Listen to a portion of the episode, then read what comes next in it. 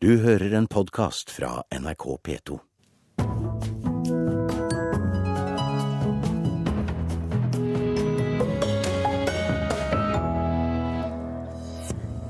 Islamister krever strengere blasfemilover i Bangladesh. 22 drept i sammenstøt med politiet i dag. Over halvparten av departementene bryter målloven, og Henrik Langeland er ute med en oppfølger til suksessboka Wonderboy. Vi anmelder den mot slutten av sendingen.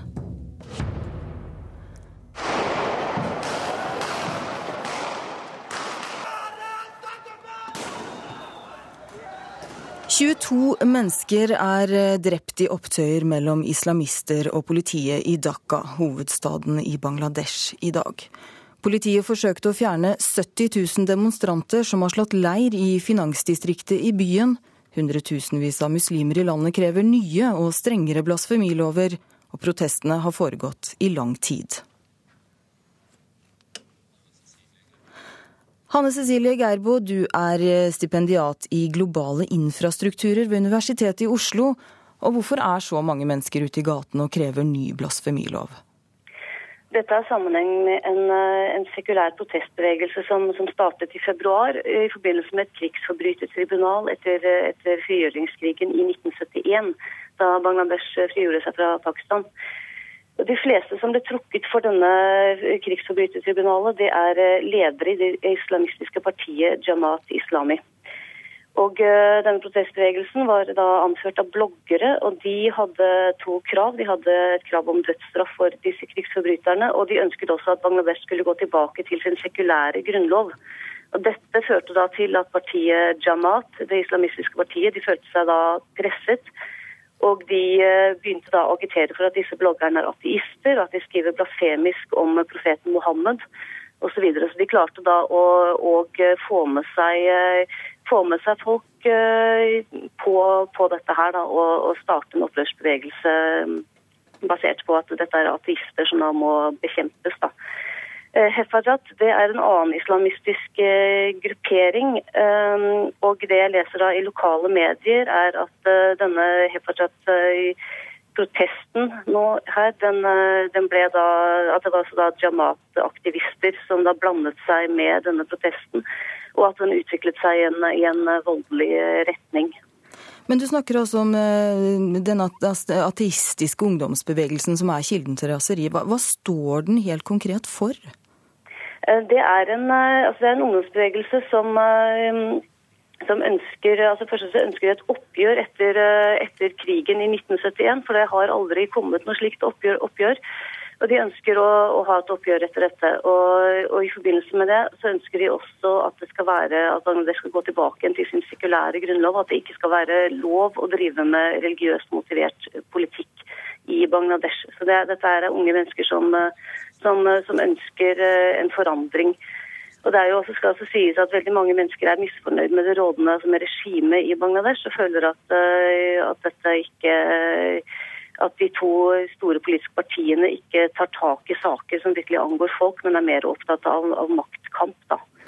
Men du snakker jo om det sekulære og det islamistiske her. og I hvilken grad så er dette en kulturell kamp mellom nettopp det sekulære og islamistiske, eller de sekulære og islamistiske kreftene i landet? Altså, Bangladesh er, en, altså, er, i stor grad det er en sekulær eh, altså Folk i Bangladesh, muslimene i Bangladesh, er stort sett sekulære muslimer. Og selv om det er mange det kan høres ut som det er mange mennesker som er ute i gatene, så er det jo et land med 160 millioner mennesker. Sånn at eh, det er ikke nødvendigvis så veldig mange av disse islamistene. Men, eh, men altså, det islamistpartiet Jamaat de har også de har store økonomiske verdier og store økonomiske ressurser. Så det, er, eh, så det, må også ses som en, altså ut fra Jamat sin side en, en, et ønske for dem om å holde den makten som, som, de har. da.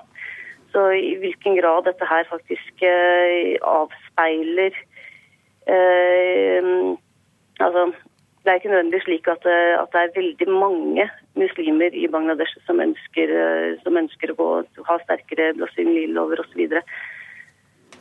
Da må vi se hva som skjer videre i Bangladesh. Og tusen takk skal du ha, Hanne Cecilie Geirbo, som er stipendiat i globale infrastrukturer ved Universitetet i Oslo.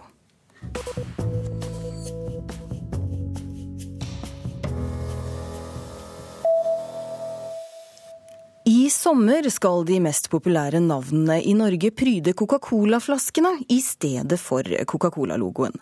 Men et av de mest populære navnene blir ikke å finne på flaskene. Coca-Cola dropper nemlig å bruke navnet Mohammed. Av respekt for profeten Mohammed valgte vi å ta bort navnet i denne kampanjen, sier Vibeke Hansen, assisterende direktør for ekstern kommunikasjon i Coca-Cola Norge til TV 2.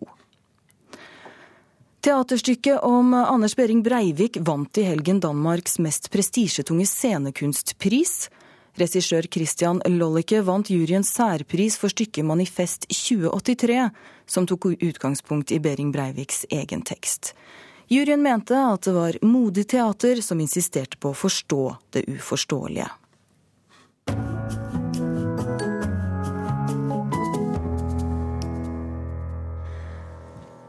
Og nå så skal det handle om nettopp det å gjøre virkelige hendelser til scenekunst. For Teater-Norge mangler bevissthet rundt etikk når virkelige hendelser tolkes på scenen. Det mener dramaturg Camilla Eg Tverbakk, som jobber med en doktorgrad om nettopp kunstnere og etikk. Det seneste året har stykker basert på både 22. juli og Kongofangene Moland og French blitt satt opp i Norge. Ofte når jeg har sett forestillinger som har, eh, kaller seg dokumentariske, så jeg, har jeg opplevd de etisk problematiske, og så har jeg lurt på hvorfor.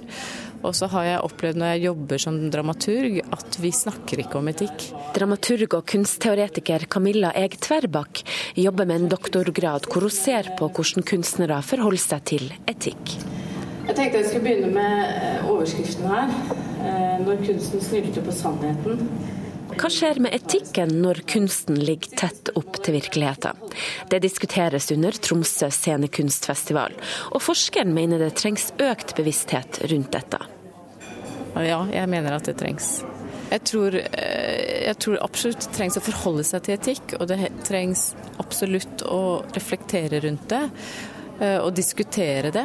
Altså, vi kan jo ta det klassiske, holdt jeg på å si, som er veldig fort blitt et klassisk eksempel, med, med Christian Lollikes uh, stykke om 22.7., som uh, ble diskutert veldig heftig til og med før det var skrevet en gang, om det var etisk forsvarlig i forhold til tid spesielt, ikke sant?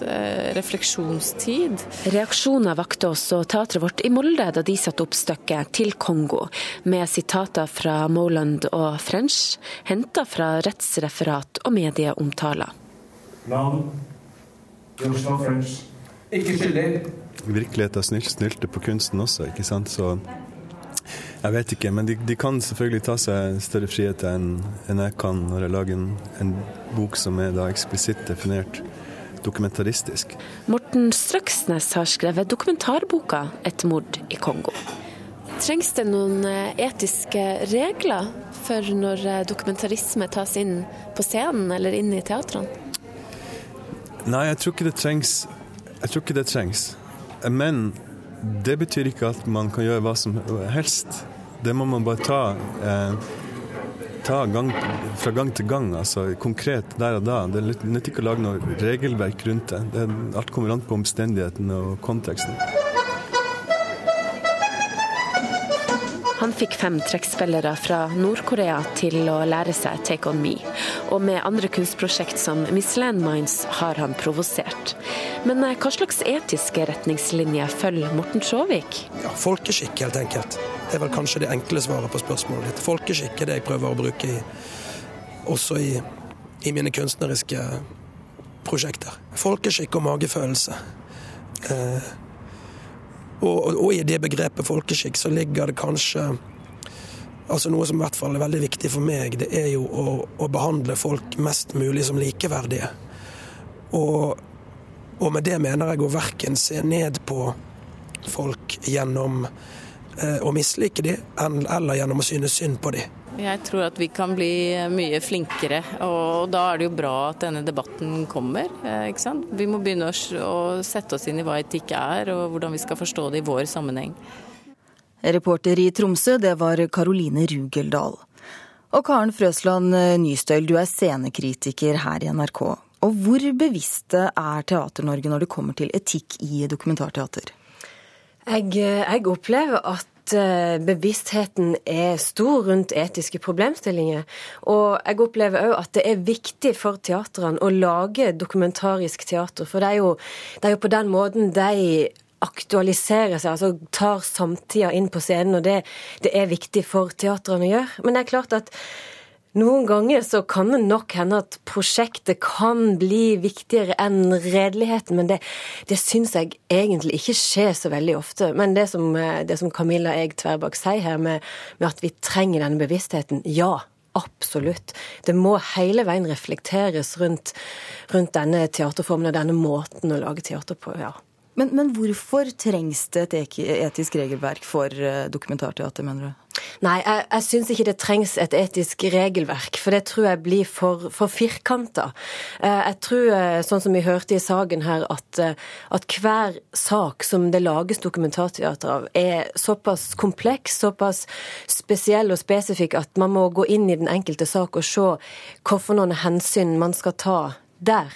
Men, eh, men, en refleksjon rundt det og en bevissthet rundt det, og det å ta ekstra runder for å sjekke sannhetsgehalt og, og redelighet, det, det, må alle som setter opp eh, dokumentarteater gjøre. og og kanskje spesielt hvis man lager dokumentarteater ut av pågående straffesaker, f.eks.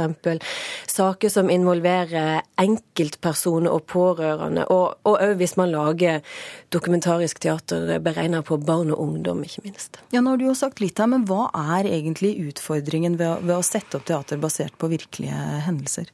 Ja, Det handler jo om hva sannhet er òg. For eh, det finnes som regel veldig mange sider av en sak som gjerne skal belyses, og det finnes mange aktører som ønsker sin versjon um, fram og opp i, i lyset. Um, det er enklere på en måte å lage dokumentarteater om Statoil sin globale virksomhet, som Pia Maria Roll har gjort med sin forestilling Skip Ohoi, som har turnert Norge i høst, enn det er å lage dokumentarisk teater om Kjostolv Moland og Joshua French, som er to uavhengige eventyrere som har havna oppi et eller annet i, i Kongo. Der, der fins det Altså Sårbarheten er så mye større i Kongo-saken da, enn om man vil sparke mot Statoil. Så, så hensynet, hensynet, blir viktigere å ta i, i saker der, der, altså der, der, straffesakene er pågående, der man ikke vet løsninger, og der, der enkeltpersoner er involvert, og ikke minst da når det finnes pårørende rundt som, som syns dette er vanskelig.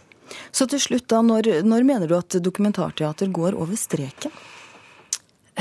Når, eh, når teatret er uredelig og ikke har, eh, har granska sannheten godt nok, når, når, involverte og pårørende føler seg tråkka på Det finnes jo ikke noe sånn pressens faglige utvalg for scenekunsten. Um, men igjen så tenker jeg at norsk teater er redelig, og de gjør en god og grundig jobb. Og det er viktig for teatrene å gjøre en grundig jobb når de skal lage dokumentarteater. Tusen takk skal du ha, Karen Frøsland Nystøyl, som er scenekritiker her i NRK. Klokka den er nå hvert øyeblikk 19 minutter over åtte, og du hører på Kulturnytt. Dette er toppsakene i NRK Nyheter akkurat nå. LO får ny kvinnelig toppleder i ettermiddag. NRK erfarer at Gerd Kristiansen vil få flest stemmer. Og rumenere topper lista over utlendinger som blir pågrepet for vinningskriminalitet i Norges tre største byer. Over halvparten av departementene bryter målloven. De greier ikke å oppfylle kravet om at minst 25% av alt det de skriver skal være på nynorsk. Politisk rådgiver Tord Dale i Fiskeridepartementet synes det er for dårlig. Nei, det er ikke godt nok. Nynorsk er et av skriftspråkene i Norge, og det er mange som bruker nynorsk. Og, og da må departementene klare å publisere tekster på nynorsk. Språk gjør oss i stand til å velge. Med fanfarer åpna kulturminister Hadia Tajik språkåret i januar. Nynorsken skal feires og styrkes i 2013. Nå syner hennes egen oversikt at ti av de 17 departementene bryter mållova. Den sier at 25% av alt skriftlig skal være på nynorsk. I bunnen på statistikken ligger Helsedepartementet med stakkarslige 7 Vi er jo langt unna det som er normen for eh, statlig bruk av, eh, av nynorsk, og dårligst av alle departementene, og det, slik skal det ikke være. Departementsråd Bjørn Inge Larsen vedgår at de må skjerpe seg. Nei, Jeg har ikke noen god grunn til eh, det. Jeg tror rett og slett det må være at vi har, ikke har en god kultur og, og riktige holdninger til bruk av nynorsk i dokumentene våre. Jeg er ikke ikke nøyd med det. Senterpartileder og kommunalminister Liv Signe Navarsete ligger på andreplass med over 40 hun vil ikke akseptere at regjeringa bryter sin egen lov. Jeg kommer iallfall til å ta det opp, eh, for dette må vi rett og slett gjøre noe med. Jeg mener alle departement må legge vind på å øke andelen sin. Nyvalgt leder Marit Åkre Tennø i Norges Mållag mener det virker som regjeringa ikke vil skrive nynorsk. Jeg tror jo heller at det skorter på vilje enn at det skorter på eller at det, det, at det er vanskelig. Statssekretær Kjersti Stjenseng i Kulturdepartementet er delvis enig i det. Vi har påpekt det ved flere runder at dette er et lederansvar. Det er en embets- og tjenesteplikt for ledere på alle nivå i staten å etterleve mållova. Og reporter her, det var Erlend Blålid Oldeide.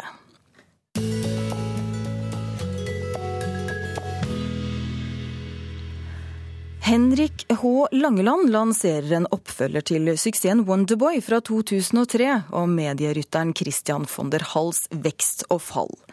Den nye boken er lagt til valgkampen 2013.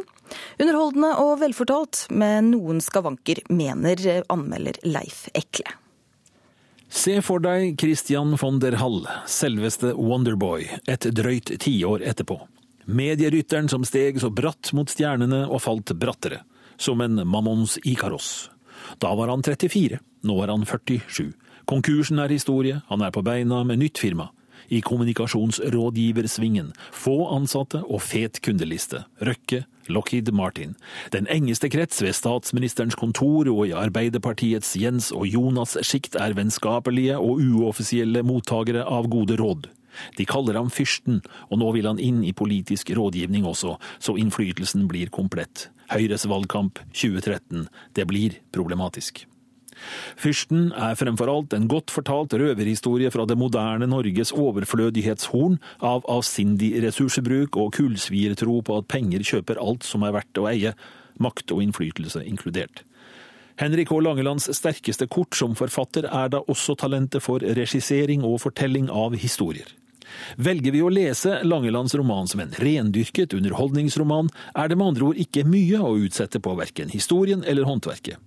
Gir vi boken en sjanse som noe mer og viktigere, er bildet mer komplisert. Som aktuell samfunnssatire betraktet, og det er nok hensikten, er Fyrsten en roman med noen skavanker. En av dem er et viktig premiss for handlingen. Mer kan ikke røpes her, men svikten er tydelig ved ettertanke. Forfatteren har lagt ned en svær research i tingenes verden, en sentral del av hovedpersonens liv. Langeland insisterer imidlertid på å servere resultatet ubeskåret, type, modell og finesser inkludert, en endeløs liste av produktplasseringer, bil, armbåndsur, vin, skiene, skjortene, skoene. Det er som å lese Jan Guillous Hamilton-bøker når det skal skrives om våpen. Det vil ingen ende ta. Morsomt lenge, men forutsigelig etter hvert. Problematisk blir dette grepet først når vi kommer til nøkkelromanelementet, og name-droppingen fortsetter der. Fyrsten befolkes av et stort antall mennesker fra den virkelige verden. Politikere, næringslivskjendiser og en lang rekke journalister, kommentatorer, PR og kommunikasjonsfolk. Også det er morsomt et stykke på vei, men i dette mylderet av ting og folk som utvilsomt vil ha moro av å lese eget navn, viskes noe av skillet mellom forfatter og hovedperson ut. Det oppstår uklarhet om hvem som snakker. Forfatter og hovedperson begynner å ligne hverandre stadig mer, og leseren lurer på hva Langeland mener, hva han vil. Hvis vi altså tar for gitt at fyrsten også vil si noe vesentlig om det som i siste instans handler om demokrati, kjøp og salg av makt, og velgernes vandring mot sidelinja. Når alt det er sagt, Fyrsten er en svært underholdende bok som nesten leser seg selv i alt sitt veldisponerte driv. Overraskende nok registrerer jeg et slags ønske underveis om at Christian von der Hall skal klare seg denne gangen. Ja, Det var Leif Ekle som anmeldte Henrik H. Langlands bok 'Fyrsten'. Og du kan også lese denne anmeldelsen på våre nettsider. Da går du på inn på nrk.no litteratur. Etter en auksjon i 1902 så ble inventaret spredd rundt på bygda. Nå starter jobben med å få det tilbake. Den fredete amtmannsgården Stenberg på Toten skal gjenskapes til fordomsprakt til grunnlovsjubileet neste år. Amtmannsgarden Stenberg i Vestre Toten restaureres for millioner til grunnlovsjubileet neste år. Anlegget eid av Mjøsmuseet består av elleve forskjellige hus og en 30 mål stor park. Leder for museumsfaglig avdeling ved Mjøsmuseet, Rina Nyseth-Bakken, låser oss inn i den staselige hovedbygningen fra 1790. Jeg er ikke helt på stell her nå, men det skal det bli. Mm. Her bodde amtmann og medlem av riksforsamlingen på Eidsvoll i 1814, Lauritz Weidemann, med familien sin. Etter at det siste bladet Weidemann døde i 1901, så ble det holdt en stor gardsauksjon her i 1902. Gjenstander ble solgt unna, mye forsvant til ute på bygda. Kunstindustrimuseet i Oslo og museet på Eidsvoll var her og kjøpte opp gjenstander. Men heldigvis så har vi auksjonslisten. Vi, vet, eh, vi har litt begrep om hva som ble solgt, altså hva som var her. T1269 Mjøsmuseet har god oversikt over alle gjenstander som var her. Før auksjonen i 1902 ble alt inventaret kartlagt. Nå er målet å tilbakeføre hovedbygningen slik den var.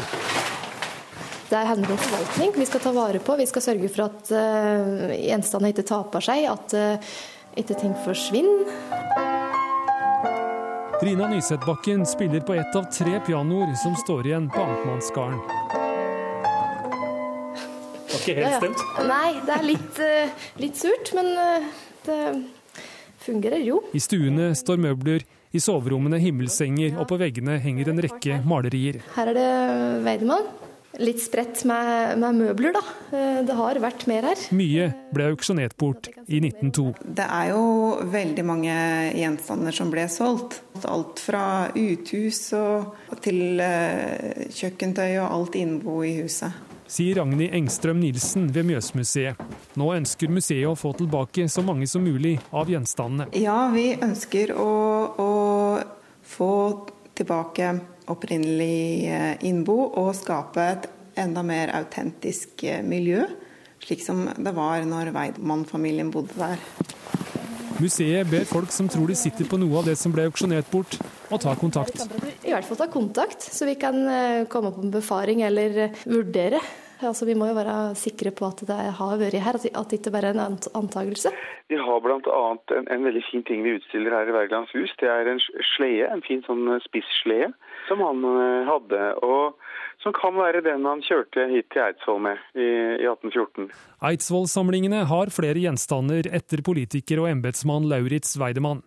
Historiker Torleif Hamre ved Eidsvoll 1814 er positiv til å låne ut gjenstander, men vil ikke uten videre gi dem fra seg til amtmannsgarden på Toten. Jeg ser veldig positivt på at vi kan ha en dialog om det. Om, om det er, eh, og så, og så må man jo bare vurdere gjenstand for gjenstand hva som kan være aktuelt. Noe vil vi nok være veldig glade for fortsatt å kunne stille ut hos oss. Og, men det kan godt være andre gjenstander som, som kunne stilles ut på, på, Stenberg. Og jeg vet at det er allerede innleda samtaler rundt dette. Nei, vi håper jo at uh, kanskje noe skal, noen av gjenstandene skal komme tilbake hit. Uh, og det har vi trua på.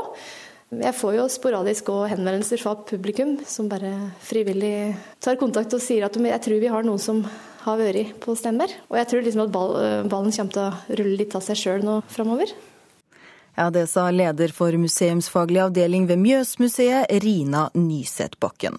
Og reporter, det var Stein S. Eide. Denne Kulturnytt-sendinga den går mot slutten. I dag så har vi fortalt at islamister krever strengere blasfemilover i Bangladesh. 22 personer ble drept i sammenstøt med politiet i dag.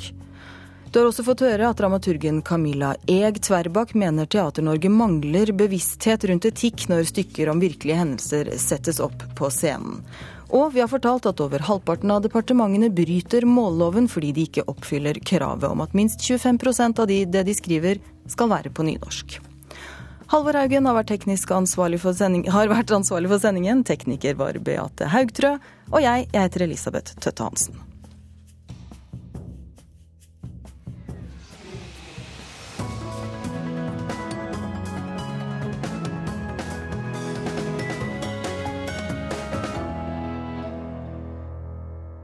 Du har hørt en podkast fra NRK P2.